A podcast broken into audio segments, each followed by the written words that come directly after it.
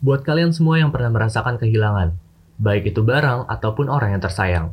Kehilangan merupakan suatu hal yang menyebalkan, tapi dari kehilangan ada sebuah pembelajaran.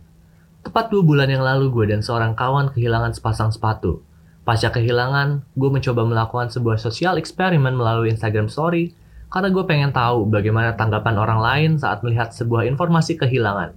Ternyata, banyak dari mereka yang menanyakan tentang kronologis kejadiannya seperti apa, mereshare story gue, dan ada juga yang menyayangkan kehilangan ini dengan nominal uang. Dari kehilangan sepasang sepatu, gue belajar tentang sebuah ketetapan.